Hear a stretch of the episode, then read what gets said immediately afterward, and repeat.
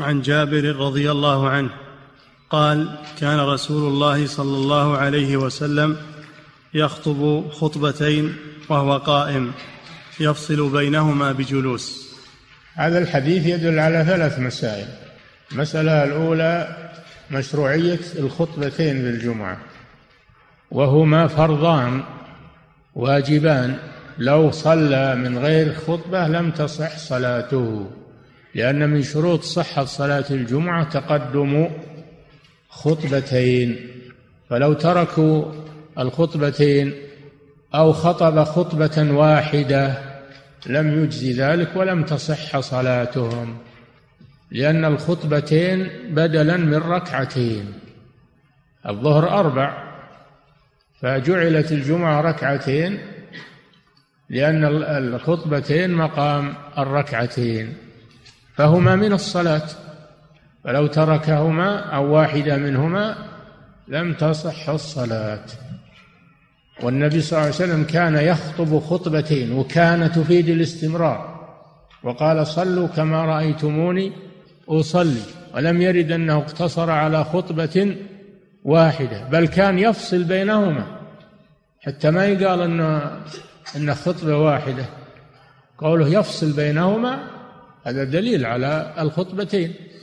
وقد بلغنا أن بعض الجهال بلغنا أن بعض الجهال المتعالمين يقتصر على خطبة واحدة بالجمعة وهذا تبطل صلاته وصلاة الحاضرين ويتحملهم هو ولا حول ولا قوة إلا بالله. وهذا نتيجة التعالم والجهل. الإنسان يتقي الله عز وجل ولا يقدم على شيء دون أن يكون متحققا من مشروعيته وثبوته عن الرسول صلى الله عليه وسلم. لكن ربما يحمل بعض المتعالمين على هذه الشذوذات إظهار أنفسهم أنهم علماء وأنهم وأنهم ولا حول ولا قوة إلا بالله. المسألة الثانية في الحديث دليل على الفصل بين الخطبتين بالجلوس وأنه لا يواصل الخطبتين.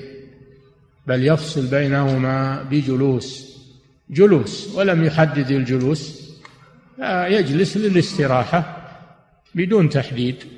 المسألة الثالثة فيه أن أنه يستحب أن تكون أن يكون الخطيب قائما كما كان النبي صلى الله عليه وسلم يخطب قائما لأن هذا أبلغ في الإعلام والحاضرون يرونه.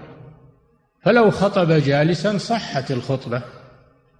صحت الخطبة. لا سيما إذا احتاج إلى الجلوس كأن يكون مريضا أو ثقيلا. فلا بأس أن يخطب جالسا. كما كان معاوية رضي الله عنه يخطب جالسا لما ثقل. فالأصل القيام وهو السنة. فإذا احتاج إلى القعود فلا بأس. نعم.